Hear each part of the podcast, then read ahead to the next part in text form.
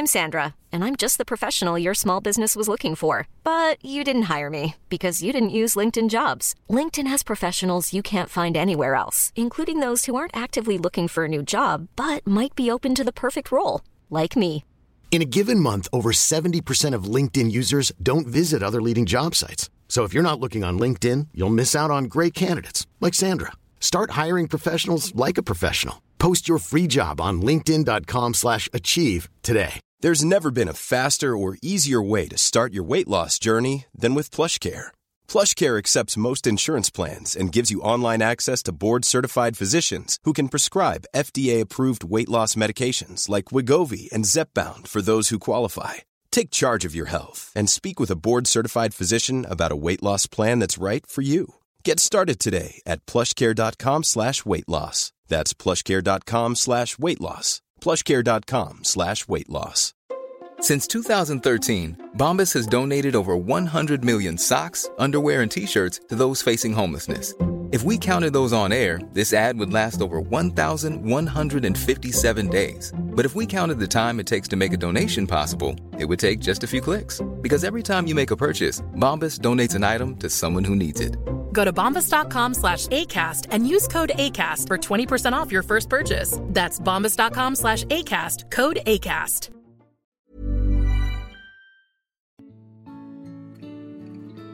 Välkomna tillbaka till podcasten Utan dig med mig Alexandra. Och med mig Emelie.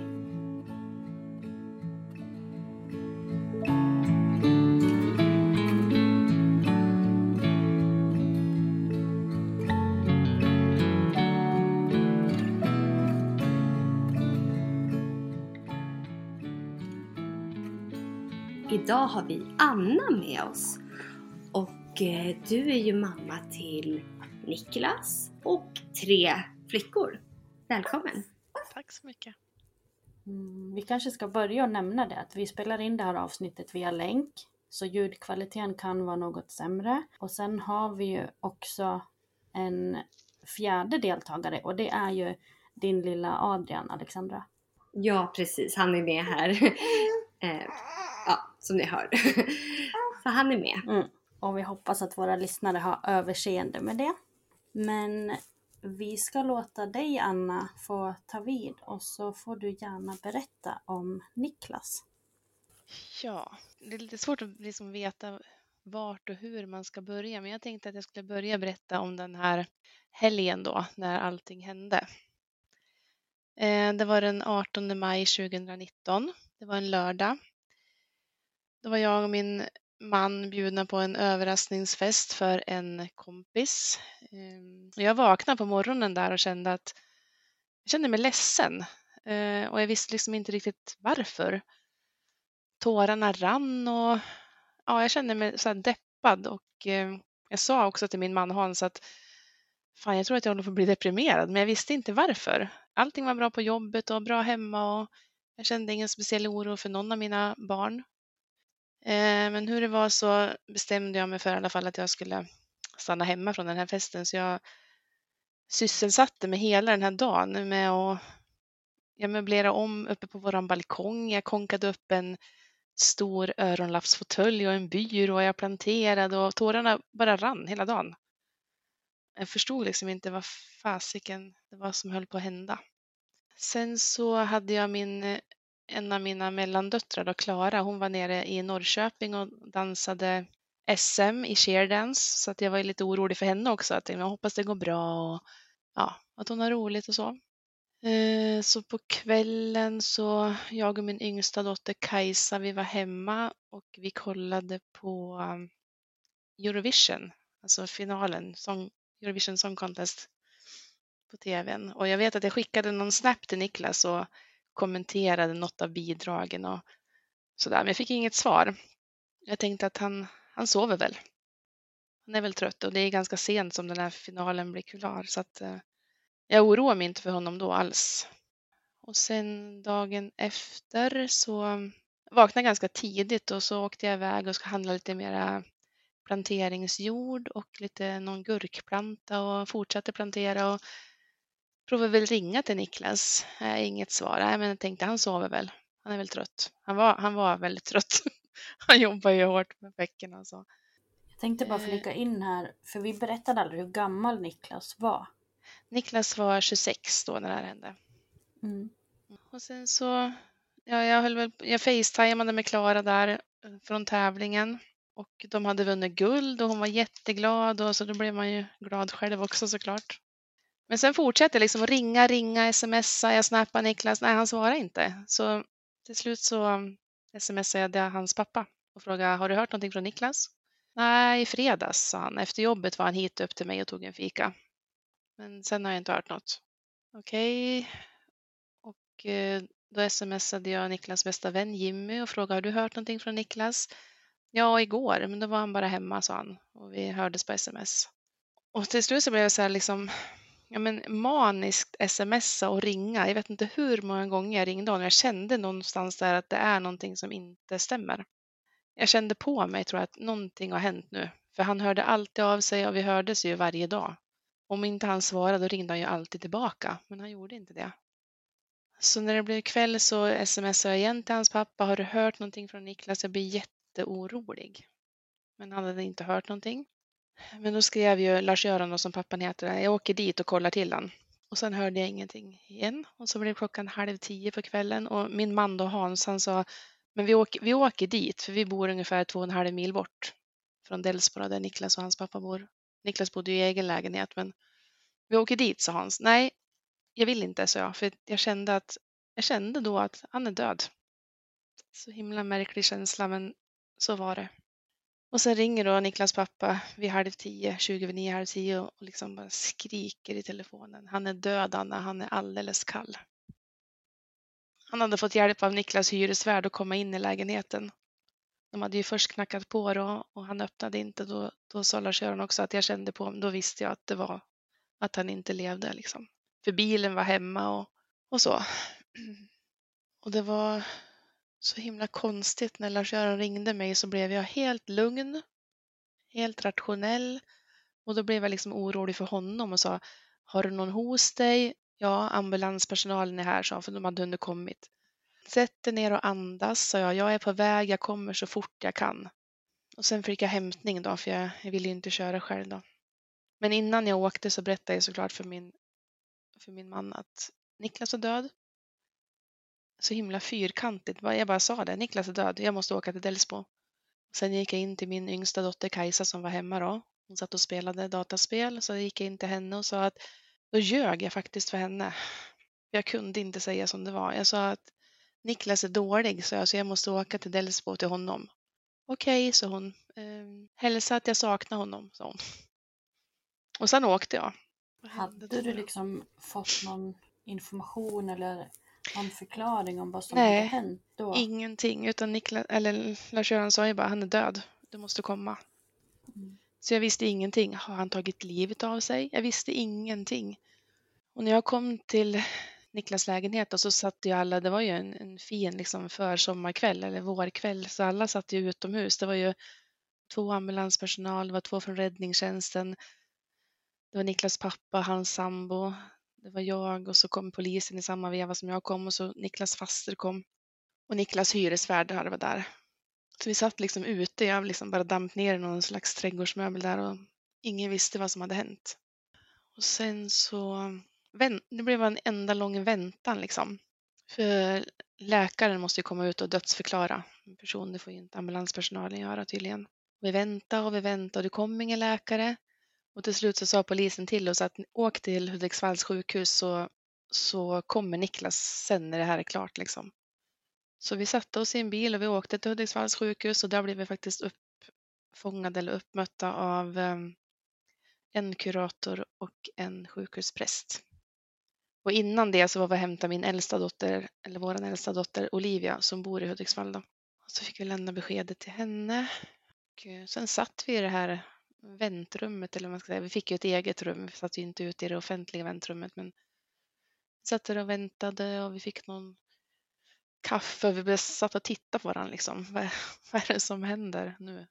Och så kommer polisen in och så lämnar, nu är Niklas här sa de, nu, är han, nu finns han nere i andaktsrummet då på sjukhuset. Och nu kan ni få gå ner och träffa honom eller se honom. Eh, här är hans plånbok och hans nycklar och eh, vi ser inte att det är något brott som ligger bakom det här. Vi tittar på varandra och vi sa att ingen av oss klarade av att gå ner och träffa Niklas då på natten. Det gick inte. Det var liksom för mycket att ta in så vi, vi satte oss i en taxi och åkte hem. Och det låter kanske jättekonstigt att man inte vill se sitt barn men vi klarade inte av det då. Det var, det var så overkligt. Det går inte att förklara. Det kanske typ skulle vara som att det var mer på riktigt då också om ni faktiskt såg han typ. Precis. För du var aldrig in till hans lägenhet. Nej, jag gick inte ens upp för jag, jag klarade inte det. Och det är precis som du säger, då hade det blivit på riktigt. Så vi åkte hem i taxin och liksom, det hade ljusnat ute och fåglarna kvittrade och klockan var väl halv fyra, fyra på morgonen tror jag när jag kom hem i taxi till Ljusdal där jag bor då. Så min man tände ett ljus och vi satt och pratade och jag kommer ihåg att jag såg en granne som gick förbi med hunden och jag blev så arg.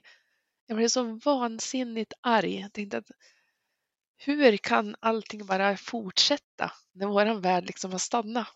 Mm, det känner man verkligen igen sig Ja. Just det där med att ja, man kan bli lite galen på att Ja, livet rullar på för andra fast det liksom står helt still för en själv. exakt. Och vi visste ju liksom fortfarande inte vad som hade hänt. Vi visste ju att det inte var ett brott bakom. Han var inte mördad och vi visste, har han tagit livet av sig? Har han tagit en överdos av några droger eller vad fan är det som har hänt? Vi hade ju inte, han var inte deprimerad och, eller inte vad vi visste i alla fall. Så det var en sån konstig känsla att inte veta vad är det som har hänt vårat barn. Och det tog ganska länge innan vi fick veta det. Vi fick veta det dagen innan begravningen faktiskt. Han, Niklas begravdes den 28 juni och den 27 då, så fick vi obduktionsrapporten. Och då visade det sig att han dog av, av eh, kraftigt förstor, förstorat hjärta. Vad Eh. eh, beror det på? Eller vet man hur man kan få det? Ja, alltså jag googlade ju jättemycket på det då. Och då hittade inte jag så mycket då 2019. Men idag inför den här inspelningen så har jag gjort en ny googling och då såg det ganska bra beskrivet att det, det, är, det är ärftligt. Men att det kan vara jättesvårt att upptäcka ett förstorat hjärta för att alla får, inga, eller alla får inte symptom. Men symptomen då som är, som man kan liksom, det är andfåddhet, hjärtklappning, att man svimmar så här helt, man kan svimma helt oförutsett.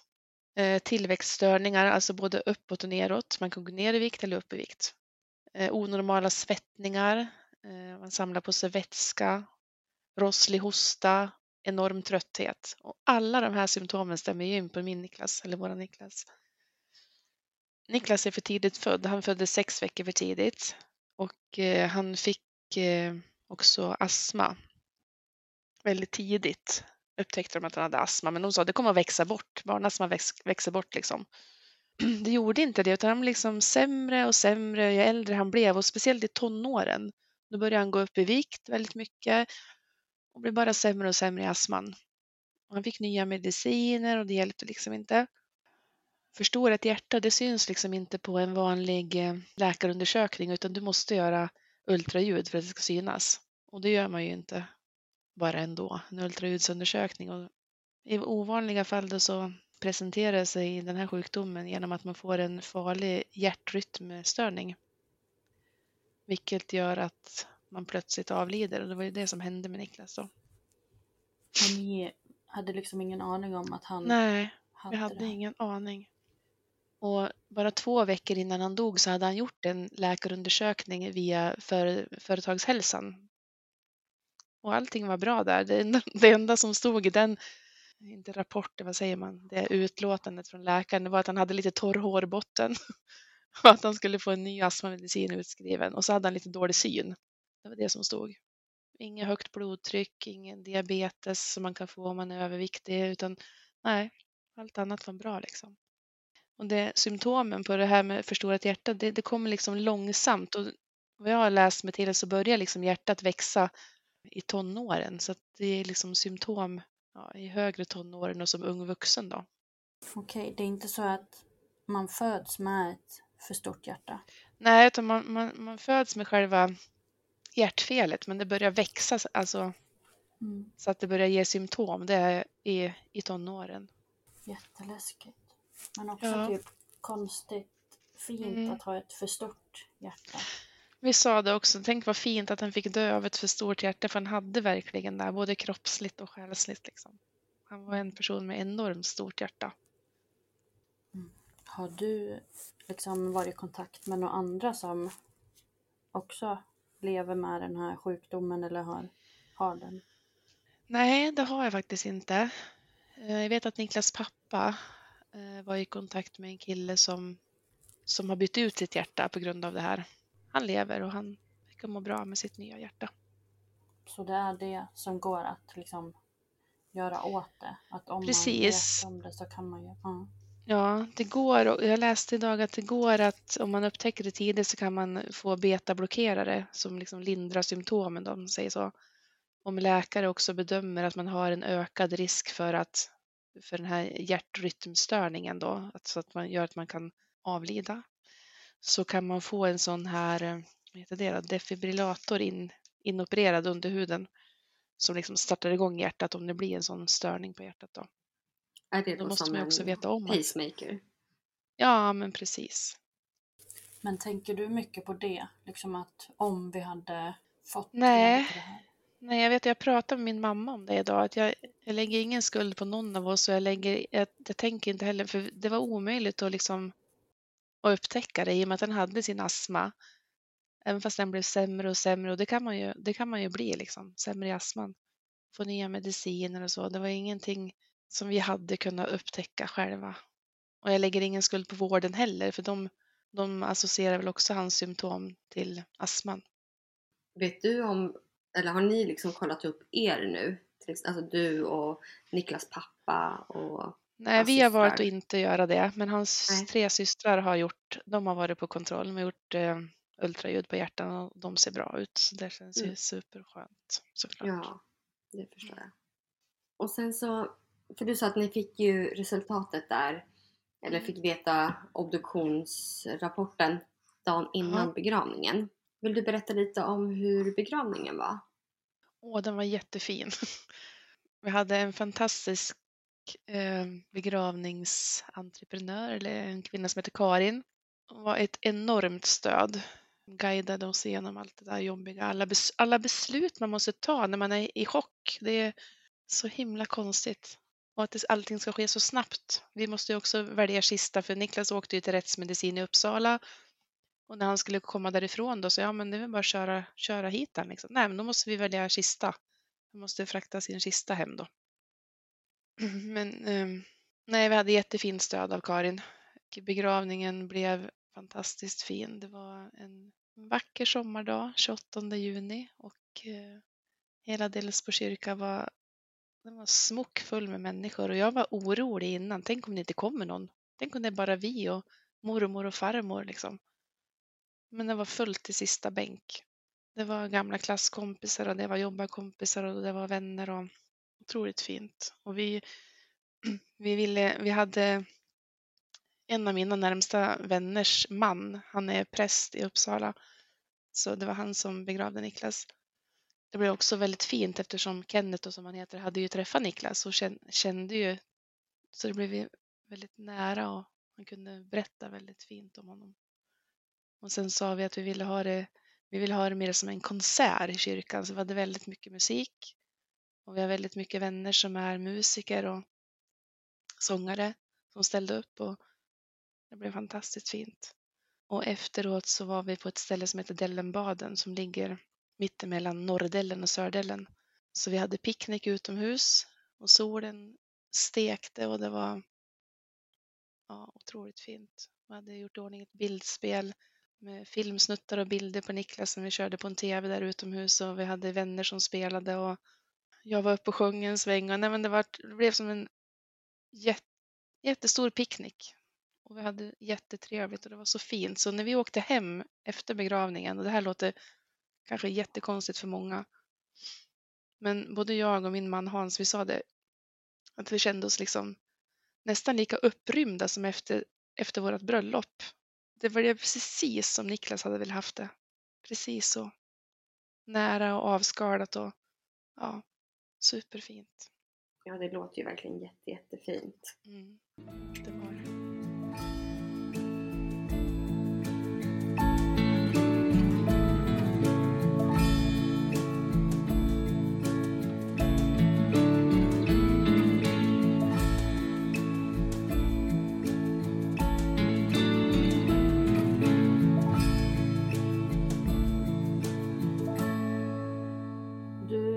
Pratar ju lite där om att Niklas var en sån person med stort hjärta. Mm. Eh, Skulle du vilja beskriva lite mer hur han var som person och vad han hade för intressen och så? Ja, men han var väl det som killar är mest som barn liksom. Sprallig och glad och han spelade lite fotboll och han spelade lite hockey och men när han gick i lågstadiet där någonstans så då började han dansa. Han dansade bugg och dubbelbugg och boogie-woogie och gick med. Det finns en dansklubb i Delsbo som heter Delsbo dansklubb. Så han och hans bästa vän Jimmy gick med i den här klubben och började träna där och dansa och till slut så började de tävla. De körde väl där från 7-8 års ålder upp till gymnasiet faktiskt. Och vi, det känns som att vi har varit på varje, i varenda gymnastikhall i hela Sverige på tävlingar liksom. For land och rike runt med ungarna. Och sen så småningom så började Niklas syster Olivia också börja dansa och tävla. Då. Så vi har, ja, det vi gjorde på helgerna det var att åka på danstävlingar överallt och läger. Fina minnen, låter Ja, otroligt fina minnen. Ja. Mm. Det finns jättemycket filmer och sånt från det, så det, det är så skönt. Kollar du mycket på sånt? Eller är det liksom... Ja, det gör jag. Mm. Det gör jag. Ja, han var ganska han var musikalisk. Han spelade inget instrument. Han spelade lite cello när han var yngre, men, sen så, men han var otroligt musikalisk. Han, han kunde liksom varenda sångtext. Alla låtar så kunde han texten. Och sen så gillade han att fotografera. Och han gick eh, medieprogrammet på gymnasiet och trivdes bra med det. Och efter när han tagit studenten så då jobbade han med lite olika saker. Han körde glassbil åt hemglass och han jobbade i ett bageri och han, han jobbade på DHLs kundtjänst här i Ljusdal. Men sen 2014 tror jag att det var, då kom han väl på att nej, fan, jag kanske skulle utbilda mig liksom vidare till att bli någonting. Så då sökte han eh, optofiberteknikerutbildning i Hudiksvall, en ettårsutbildning då. Så han eh, blev klar där 2015 och så fick han lite olika jobb. Han, var, han åkte runt lite grann. Han jobbade åt olika företag, eh, något i Göteborg, något i Malmö, i Örebro. Men hela tiden så sökte han sig liksom hemåt. Han ville ju, han trivdes ju här uppe i Helsingborg. Så han sökte flera gånger vet jag på ett företag som heter Sörens El här i Hudiksvall. Och till slut så fick han jobb där då. Och han älskar det där jobbet. Och så han hann ju jobba där då i typ åtta månader.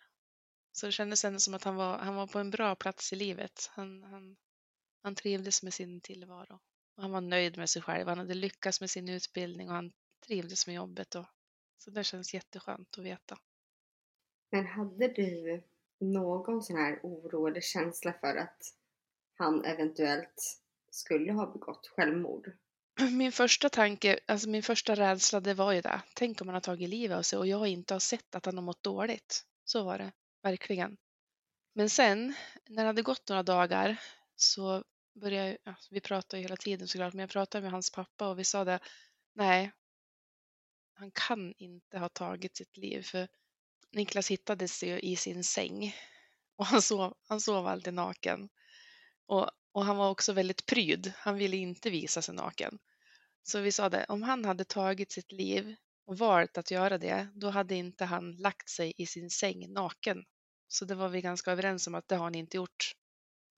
Vad skönt ändå att liksom kunna Ja, ha en ja. sån sak att falla tillbaka lite på. ja.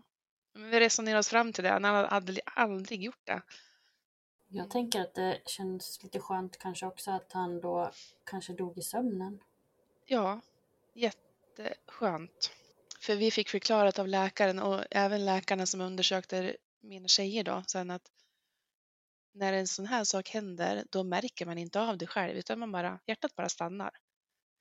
Och det, det sa polisen också till oss. De hade ju som sagt gått in i Niklas lägenhet och vi fick hans nycklar och plånbok och det står också i obduktionsrapporten eller om det var läkarrapporten, ja, att eh, hans Bricanyl, alltså astmamedicinen, stod fint på sängbordet och det, det hade inte varit någon, vad ska man säga, fight eller det hade inte varit någon tumult i sängen utan det var bara lugnt. Så han, hans hjärta har bara stannat och han har bara somnat in. Ungefär som att man, så önskar man ju själv att man fick dö. Inte så dramatiskt. Och det, var, det känns superskönt för mig att veta. Att han inte låg och hade jobbigt att andas och att han våndas och var ensam. Och jag tror inte att det har gått till så, utan han har bara Han har bara somnat och sen har inte han vaknat något mer. Ja, det är som du säger. Det är liksom när det är ens tur att dö så är det Ja. gärna så man skulle vilja lämna liksom. Precis. Ja. Ja, vad tyckte han mer om? Alltså, jag skulle berätta om Niklas. Han, ehm, han gillar att laga mat och han gillar att äta mat. Och han startade något Instagramkonto och någon matblogg med två av sina vänner, Harley och Jimmy, som de kallar för Epic Meals, där de gjorde så här extrema maträtter. Och ja. Vi hade också körde vi sån här halv åtta hos mig-tävling hemma. Det var, alla hade en egen dag och skulle laga sin trerättersmeny. Och han gillar ju som sagt att fota det här och lägga ut. Och han filmar alla våra semestrar, sommarsemestrar i Sverige, utlandssemestrar, påskhelger hos mormor i Jämtland, sportlovssemestrar. Allting finns liksom på Youtube. Så då filmade han och sen klippte han ihop det och sen satte han musik till. Och det är också otroligt värdefullt att ha kvar. Jag tittar jätteofta på de filmerna. Och gråter och skrattar. Mm, det låter jättefint. Det tråkiga är att det är mest vi som är med på filmerna. Han filmar inte så, så mycket själv. Nej. Nej. det finns även filmer på han, men det är mest på familjen. Liksom. Men han, han tyckte om att dokumentera och han ville att det ska vara kvar. Och ibland kan jag Ja. tänka så här, undrar om han kände på sig att han liksom, eller omedvetet kände på sig att han ville lämna någonting efter sig. För det är så otroligt skönt att ha det här kvar. Ja, oss. precis. Det är som att han har lämnat det Ja, åt er. precis. Ja. Jätte, jättefint. Ja, det är det. Ja, sen älskar han ju sina tatueringar. Han hade en hel arm full med olika, olika seriefigurer eller vad man ska säga. Han hade, han hade en My Little Pony hade han tatuerad och sen hade han hela Barbapapa-familjen, Powerpuff-pingilorna och vad heter den här lilla dinosaurien i Flinta? Dino heter den. Den lilla Sirisa dinosaurien hade han ju tatuerad. Och sen på den andra armen så hade han ju som en, som han kallar det själv då, för det här är min familjearm sa han och där var det, stod det mor, far, Klara, Kajsa Olivia och så är det en stor blomma liksom. Det var hans familjearm. Har du någon tatuering? Jag har en ful tatuering så jag tänker inte tala om vart. Du har inte gjort någon tecknad figur? Nej, men min dotter Klara, en av döttrarna har gjort det. Hon har gjort en stor Simba på underarmen från Mm. Lejonkungen. Mm. Mm. Och, det står, och så står det storebror där också. Den är Mm. jättefin. Ja. Hur har det varit för dig att liksom möta andra personer som kände och jobbade med och liksom umgicks med Niklas? Alltså många som kände honom har jag ju träffat och det, det är ju fint. Men hans vänner har ju inte hört av sig så mycket men det ligger ju liksom ingen skuld på dem för det för jag tror att de inte, de vet kanske inte vad de ska säga och hur de ska bete sig. Och det kan jag känna mig lite avundsjuk på ibland när man hör andra. Jag pratar ju mycket med Jenny, eh, Felix mamma. Hon har ju jättemycket kontakt med Felix vänner. Man förstår ju att ens barn är ju en annan person eller har en annan approach när de är tillsammans med sina vänner än med sina föräldrar. Även om jag och Niklas var väldigt nära, för jag fick ju honom när jag var 19 år. Jag är ju väldigt ung, så han har ju varit med mig hela mitt vuxna liv. Har han varit med mig. Han är som en del av mig liksom. Så kanske jag ändå känner mig avundsjuk på föräldrar som har mycket kontakt med sina döda barns vänner. Som säkert har massor att berätta om, vad de har gjort och så. Men den, det har inte jag haft. Ehm, men ändå fint att du skulle vilja, för det kanske Ja, skulle Jättegärna. kunna bli så. Mm, precis. Men jag Sen förstår... umgicks inte Niklas med så jättemånga, inte, inte på slutet. Han hade sina en par, tre stycken liksom, nära vänner. Främst en då, Jimmy, som var hans bästis. Liksom. Men annars, så- han ville helst umgås med familjen han. Vi har ju gjort allt tillsammans. Skulle han åka och shoppa kläder, men då kan inte du följa med mig mamma? Inte så att han drog iväg med kompisar, utan det var, det var vi.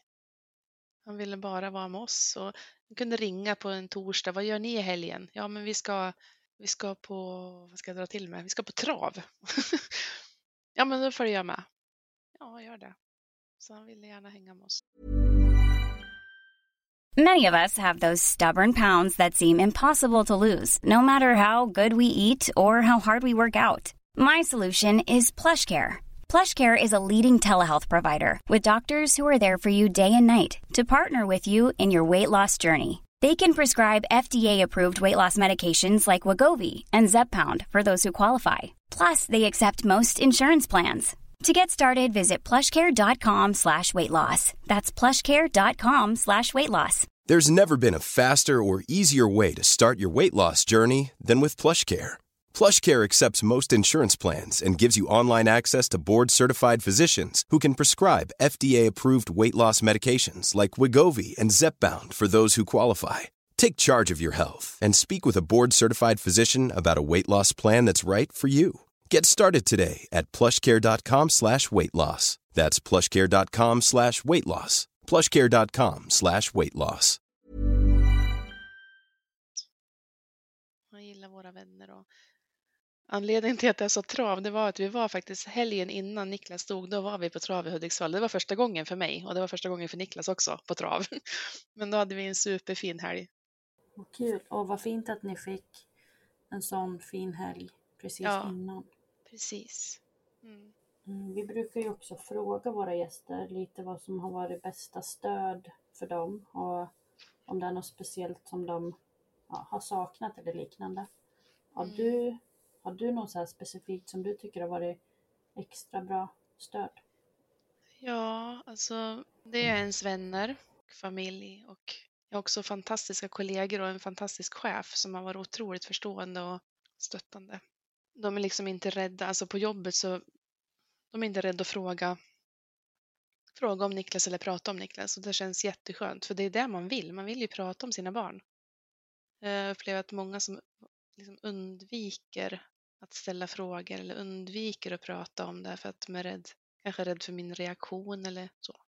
Och jag vet att när jag, jag var sjukskriven, jag tror jag var sjukskriven en månad efter sen Niklas dog och sen så träffade jag en läkare och då trodde jag att hon skulle förlänga min sjukskrivning.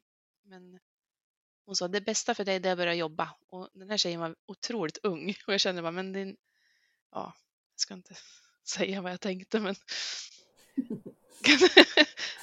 jag behöver vara sjukskriven tänkte jag. Men Mm. hon sa du måste börja jobba. Då blir jag så här, okej jag ska visa dig att jag kan börja jobba. Det här klarar jag. Så började jag jobba och Försäkringskassan ringde upp mig och sa men ska du verkligen börja jobba heltid på en gång? Jag ska trappa upp. Nej, jag ska jobba heltid och det har jag gjort sedan dess. Och det här säger jag inte för att verka duktig eller på något vis utan men det har faktiskt varit min räddning. Mitt jobb har varit min räddning för på jobbet så kan jag liksom, där får jag vila från sorgen och där får jag liksom ja, tänka på någonting annat. Och det, jag tror att det är viktigt. Sen säger jag inte att det passar för alla. Men för mig har det varit en livlina att jobba.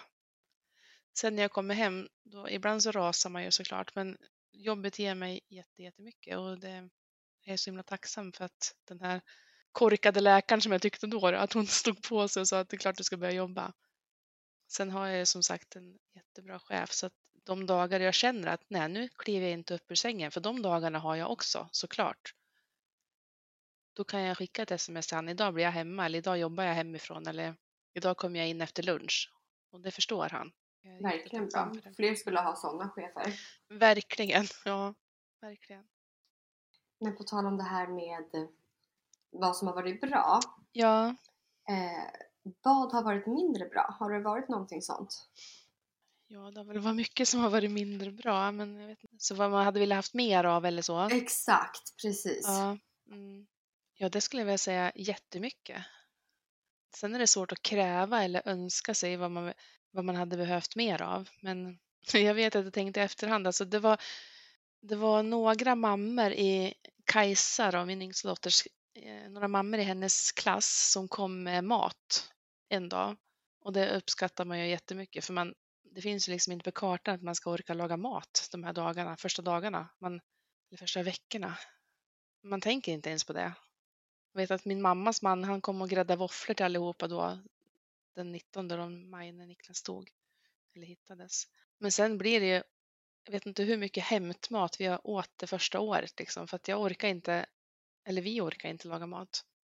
Och i vanliga fall så älskar jag att laga mat, det är ett av mina stora intressen liksom, men den, det finns inte. Så jag hade önskat att, ja, att någon bara kom hit och lagade mat åt mig. Känner du fortfarande att det intresset inte har liksom väckts till liv igen? Jo, det har det gjort. Det har det absolut gjort. Vad skönt. Ja, det är en, ja, en slags terapi för mig att laga mat. Då blir jag lugn och jag, jag tycker att det är roligt. Liksom. Och jag tänker så här också att du kanske känner dig lite extra nära Niklas då? Eftersom att det var Precis. hans stora intressen också. Ja, men lite så faktiskt är det. Ja, absolut. Nej, men det bästa, du pratar om det här med att ha bra stöd och, och så. Jag pratar om, mycket om mitt jobb och mina kollegor och mina vänner. Men sen viktigt för mig också det har varit att få kontakt med, med föräldrar som har varit med om samma sak. Även om man inte har varit med om att barnen har haft samma dödsorsak. Men att man får kontakt med, med människor som förstår på riktigt vad innebörden av att förlora ett barn. Det har känts superviktigt för mig. Att få prata med människor som fattar liksom. Du nämnde ju tidigare att du är bra vän med Jenny som är mamma till Felix som Ja. också var med i ett avsnitt i våran Mm. podd tidigare. Kände ni varandra innan? Ja, men vi har gått i samma skola där i Delsbo och eh, jag kände ju till henne. Hon är några år yngre än mig. Men eh, och Niklas dog ju året innan Felix. Så när jag fick höra om bilolyckan där i Sörfors så visste jag ju, fort, visste ju inte att det var Felix som var med. Men sen satt jag på balkongen en kväll och så satt man, ja man vet, man scrollar igenom sociala medier och så bara såg jag att fasen det är ju Jennys son. Och då tog jag direkt kontakt med Jenny. För man, man blir ju också ganska orädd. Alla fall, ja, jag upplever att man blir det. När man var med om en sån här sak då, då är man inte rädd för att ta kontakt med andra som har varit med om samma sak. För man vet hur viktigt det är att bli uppfångad. Och att folk vågar ta kontakt. Och sen, har jag, sen dess har jag Jenny och jag haft kontakt. Inte, ja, dagligen absolut i början, första året kanske. Men vi hörs i alla fall flera gånger i veckan. Det gör vi. Och samma sak med Leif då, Idas pappa som också varit med och spelat in ett avsnitt. Leif är min gamla lärare. Inte med betoning på gamla, men han var min lärare 2007 till 2009. Då lärde vi känna varandra. Och sen har vi hållit kontakten sedan dess. Och samma sak när Ida dog så tog jag kontakt med honom också. Så det är liksom vi tre som vi har en messengergrupp och vi ringer varandra och vi ska skypar och vi, ja, de har varit ett superstort stöd för mig och jag vet att jag har varit ett bra stöd för dem också. Har du några andra liksom, tips hur man får kontakt med andra? Jag tänker liksom om det är någon som lyssnar nu. För du nämnde ju nu att det har varit så fint stöd för dig. Mm. Hur har du kommit i kontakt med personer som du inte liksom kände sedan innan? Det är nog via sociala medier, så är det nog. Mm, jag håller med om det. Det är jättebra. Ja, Det finns ju alltså bara av att följa olika hashtags eller precis. grupper. Och, Ja. Mm. Och sen tror jag att jag fick någon, inte glir, gliring, men någon, någon kompis sa till mig någon gång att ja, men umgås du bara med henne för att ni har förlorat ett varsitt barn? Nej, det gör jag inte. Nu pratar jag inte om Jenny, utan nu pratar jag om det var en annan person. Ja, men, vi har varit med om samma upplevelse, vi, har, vi delar erfarenheter. Människor verkar inte förstå hur viktigt det är att prata med prata om och prata med människor som förstår. Ja, så är det ju verkligen. Och så Mm. tänker jag att det kanske är just också, just den här vännen du, som du nämnde nu, som hon Mhm. frågade om du umgicks Mm. bara för att ni Mm. båda delar den erfarenheten. Det kan ju Mm. vara så att ni har träffats av den anledningen. På grund av Så- det, precis. Ja, men så kan man ju ändå fatta tycke för varandra. Ja, Ehm, exakt. Ja, men som, som jag tänker då på mig och Emelie till exempel. Vi umgås ju mer än gärna privat också nu liksom. Ja. Och Ja, allting kretsar ju inte bara kring Ture och Sally. Men Nej, det var det och- som sammanförde oss liksom. exakt. Och det verkar som att människor tror att när man umgås med andra likasinnade, eller vad man ska säga, så att vi bara sitter och vältrar oss i våran sorg och sitter med offerkoftan på och bara tycker synd om oss själva. Det är ju inte så. Vi har ju otroligt roligt tillsammans också. Det är liksom, vi pratar ju inte bara om det här, det här tragiska. Nej precis. Och det, jag tänker att det är så himla viktigt att, att man får veta det. Att man Ja, kan vara glad och ha kul exakt. ändå trots det som Ja. man har varit med om. Ja, gud ja. Att man får dela alla, alla de här tankarna och känslorna som man kanske inte vågar dela med andra människor. I alla fall, nu pratar jag för mig själv, men det finns ju faktiskt tankar som man tänker som, som kanske för andra låter väldigt knäppa och konstiga. Men när man får dela dem med de som har varit med om samma sak så då får man ju också fatt i att det är inte så konstiga och inte så knäppa tankar. Så här tänker jag också. Eller så här har jag också tänkt. Så här känner jag också. Ja, det får ju en att känna sig mindre ensam. Precis. Och det är ju ja. så viktigt. Och mindre konstig. Exakt. Och man blir inte dömd. Jag tänker, nu kommer vi ju in lite på det. Att liksom hur, hur pratar ni om Niklas hemma i vardagen liksom? Vi pratar väldigt mycket om honom. Och vi skrattar väldigt mycket åt honom också. Mm. Han var ju en rolig prick. Och det här skulle Niklas ha tyckt om och det här skulle han tycka var roligt. Och... Nej, han är med varje dag. Det är han. Och hur har det varit att vara mamma till fler barn som har förlorat då sitt syskon? Jag tycker att det har varit svårt. Jag har liksom känt att jag behöver vara stark för alla andra. Och att jag inte riktigt har... Det är klart att jag har klappat igenom och brutit ihop flera gånger så, men jag kände liksom från, från den stunden att Niklas pappa ringde mig och sa att Niklas är död, så kände jag att nu måste jag vara stark. Nu måste jag ta hand om honom, fast jag vet att jag inte behöver ta hand om honom. Men just där och då så var det så här, sätt dig ner, andas, jag kommer. Till att jag gick in till Kajsa och sa, jag kommer, jag måste åka till Niklas, jag kommer hem snart. Jag tog hand, tog hand om min mamma, gjorde jag inte, men jag liksom skulle vara stark för henne kände jag, för att hon hade förlorat sitt barnbarn. Jag har tagit jättemycket ansvar för andras sorg och det, jag vet inte vad det, vad det kommer ifrån eller vad det bottnar i, men jag har någonstans längtat efter att bara klappa igenom själv. Jag har, har inte gjort det. Jag har varit jätte, jätteledsen, det är inte det det handlar om, men jag har inte brutit ihop fullständigt liksom, utan jag har hållit ihop på något konstigt vis. Det är jättesvårt att förklara. Jag tror nog att många kan känna igen sig i det också. Ja, Faktiskt.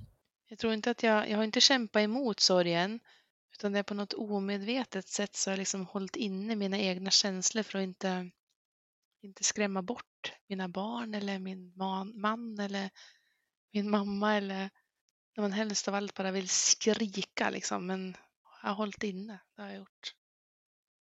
Vi har pratat ganska mycket om det, Jenny och jag och Leif, om att man tar ansvar för andras människors sorg och andra människors reaktioner.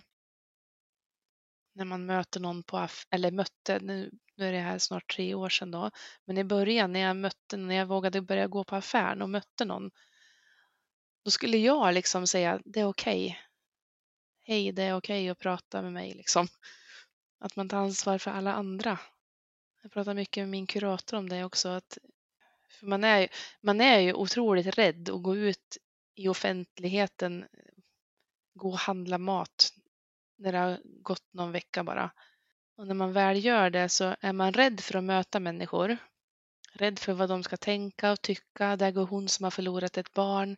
Man är rädd för att folk ska tycka synd om en, för det, det vill inte jag. Man vill inte liksom att folk ska tycka synd om en. Och man vill inte bli ett offer, inte jag i alla fall. Och samtidigt så vill jag heller inte, jag ville att de skulle ta kontakt, men jag ville heller inte ha kontakt. men då sa min kurator till mig att om du har en sån dag när du känner att det är okej att prata, då kan man stanna och prata. Men om, det, om du känner att nej, nu räcker det, då sätt upp en hand, sa han. Bara sätt upp en hand framför din bröstkorg, säg bara inte nu. Om, någon, om du ser att någon försöker ta kontakt, säg bara inte nu. Och det har jag testat några gånger och det funkar ju bra, för det respekterar ju folk. Det är också jobbigt när folk går krokar omkring en. Man ser att de går, tar en annan väg och gömmer sig bakom någon hylla med spaghetti för att de inte vågar möta en liksom. Och just det där som du säger också att man vill inte liksom att folk ska tycka synd om en. Nej, man vill inte det. Även om det är det folk gör, och det förstår jag, att de tycker synd Mm. om en. Jag vill inte vara den här mamman som har förlorat ett barn. Jag vill vara Anna, som har fyra barn och som har varit med om ett trauma. Det har man ju varit, absolut. Man vill inte bli ett offer.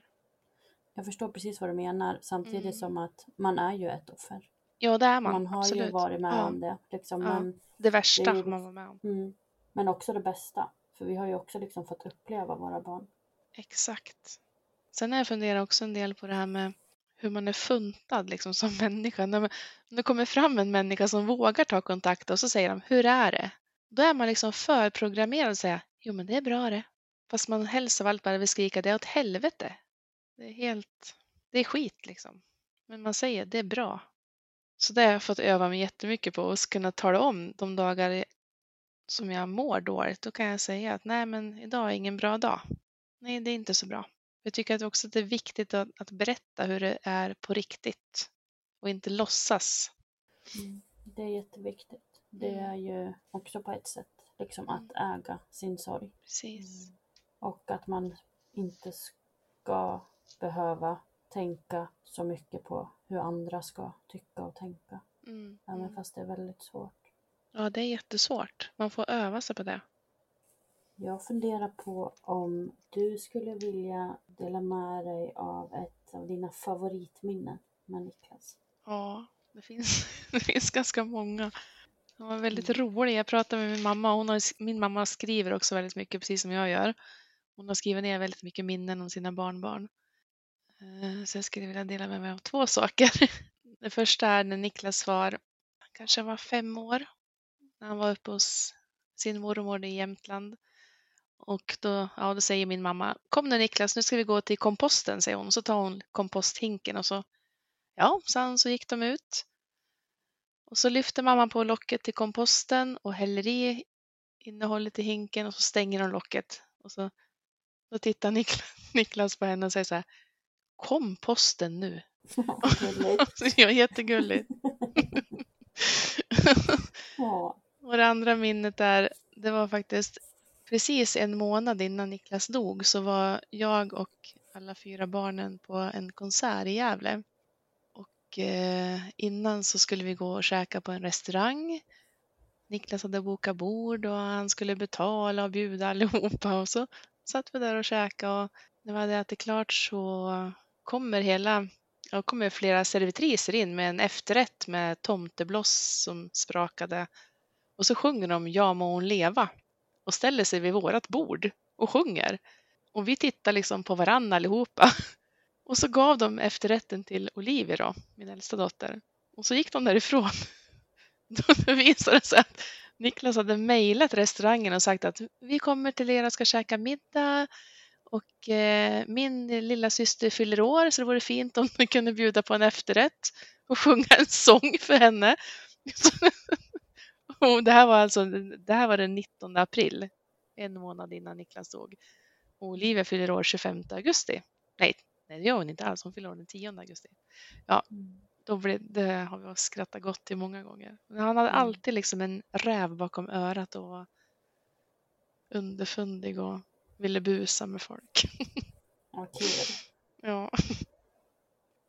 Mm. Nej, men det är viktigt att- att man vågar ta kontakt med någon som har förlorat ett barn. Eller en anhörig, oavsett. Och att man inte ska säga hör av dig när du orkar, för man orkar inte. Man måste liksom... Att man ska våga ligga på och att man ska våga höra av sig igen och igen och igen fast man får ett nej. Att man ska våga stå kvar liksom. Och våga lyssna. Att man inte ska ställa en fråga om man inte har tid eller lust och ork att lyssna på svaret. Jag lyssnade på, vad heter, vad heter mamman till eh, Vilja och Mejas mamma, vad heter hon? Filippa. Ja, precis. Hon sa ju det att det, det finns dagar som är extra jobbiga. Alltså det kan vara födelsedagar, årsdagar, högtidsdagar. Dra iväg ett sms. Lägg in en, en notis i kalendern så att du får en, en blipp att nu är det den här årsdagen liksom för Anna och Niklas pappa. Dra iväg ett sms. Vi tänker på dig idag eller vi tänker lite extra på Niklas idag. Och då sa hon den lilla jävla efforten kan man ta sig och det, det håller jag så himla mycket med om. Ja, det är verkligen så. Det är så Ja. lite man kan göra som blir så Mm. stort och så mycket för Exakt. en annan. Exakt så är det. Eh, och sen så tänker jag också på det att det kan vara bra för anhöriga att veta att man inte behöver vara rädd för att Ja, höra av sig liksom för att man är rädd att man påminner om sorgen. Till Ja, exempel att någon tänker precis. jag vågar inte höra av mig till Anna för då, hon kanske har Ja. en bra dag och sen så hör Ja. jag av mig och säger någonting om Niklas och då blir hon ledsen. För att det är precis tvärtom. Sorgen, ja precis, och den här sorgen finns ju där oavsett. Ja, Så, så den här kontakten som någon förmedlar och visar att de tänker på Niklas gör ju dig bara glad. precis så är det. För Ja. man känner sig så ensam i sorgen, speciellt när det har gått ett tag. Det första året då hörde kanske folk av sig så. Men nu har det ändå gått snart tre år för mig och nu är det inte lika liksom. Nu har det väl gått vidare, tänker folk. Nu har ju alla högtidsdagar passerat en gång efter första året så att nu, nu är det mycket lättare. Och det, jag upplever att det har varit, alltså i år det svåraste året. I fjol var det inom citationstecken så var det lättare, men i år har det varit jättejobbigt. Både jul och påsk och allting. Och nu, nu bävar jag inför årsdagen, liksom den 19 maj här. Men vi har ändå gjort det till en liten fin tradition att vi, jag och döttrarna och Niklas pappa brukar åka till graven och ha picknick då på, på årsdagen. Det var jättefint. Då spelar vi Niklas favoritmusik och så äter vi någonting eller fikar någonting där vid graven. Det var jättefint. Mm, det låter jättefint. Eh, på tal om det här med den 19. Mm. Eh, vet ni ungefär vilken tidpunkt Niklas dog?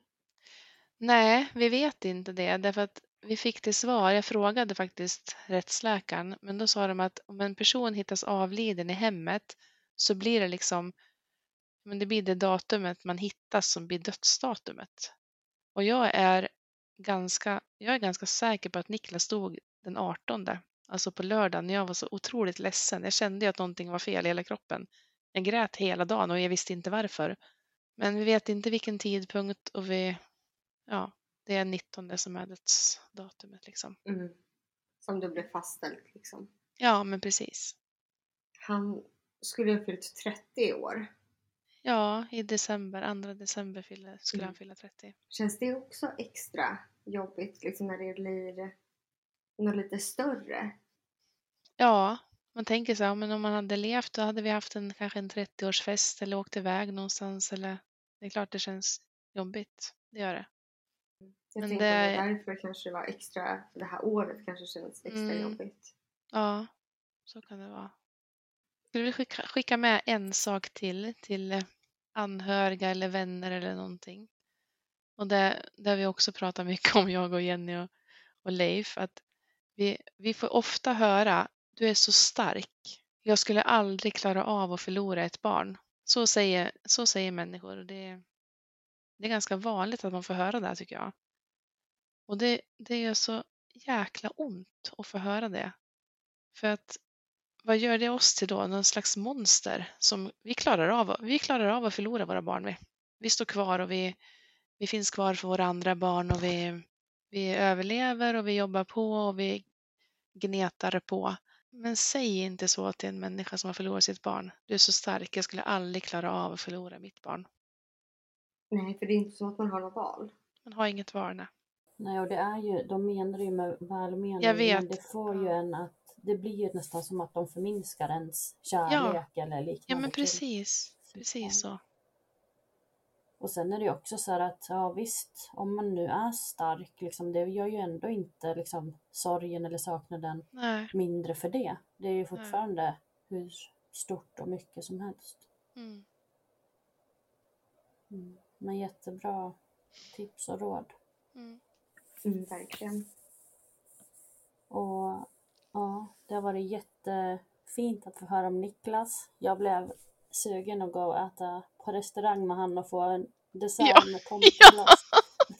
Ja. Ja, ja, han var rolig att hänga med. Otroligt rolig. ja, det låter som det. Tack för att du ville vara med, vara med dig, Anna.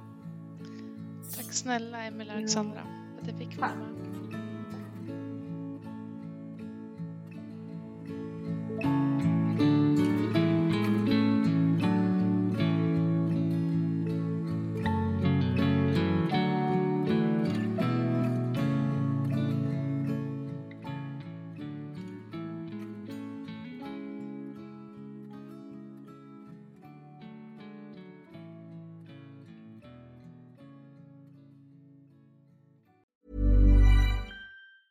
Planning for your next trip? Elevate your travel style with Quince. Quince has all the jet setting essentials you'll want for your next getaway, like European linen, premium luggage options, buttery soft Italian leather bags, and so much more. And it's all priced at 50 to 80% less than similar brands. Plus, Quince only works with factories that use safe and ethical manufacturing practices. Pack your bags with high-quality essentials you'll be wearing for vacations to come with Quince. Go to quince.com slash trip for free shipping and 365-day returns. Hi, I'm Daniel, founder of Pretty Litter. Did you know cats tend to hide symptoms of sickness and pain? I learned this the hard way after losing my cat, Gingy. So I created Pretty Litter, a health monitoring litter that helps detect early signs of illness by changing colors, saving you money and potentially your cat's life. Pretty Litter is veterinarian developed, and it's the easiest way to keep tabs on your fur baby's health right at home. Go to prettylitter.com and use code ACAST for 20% off your first order and a free cat toy. Terms and conditions apply. See site for details.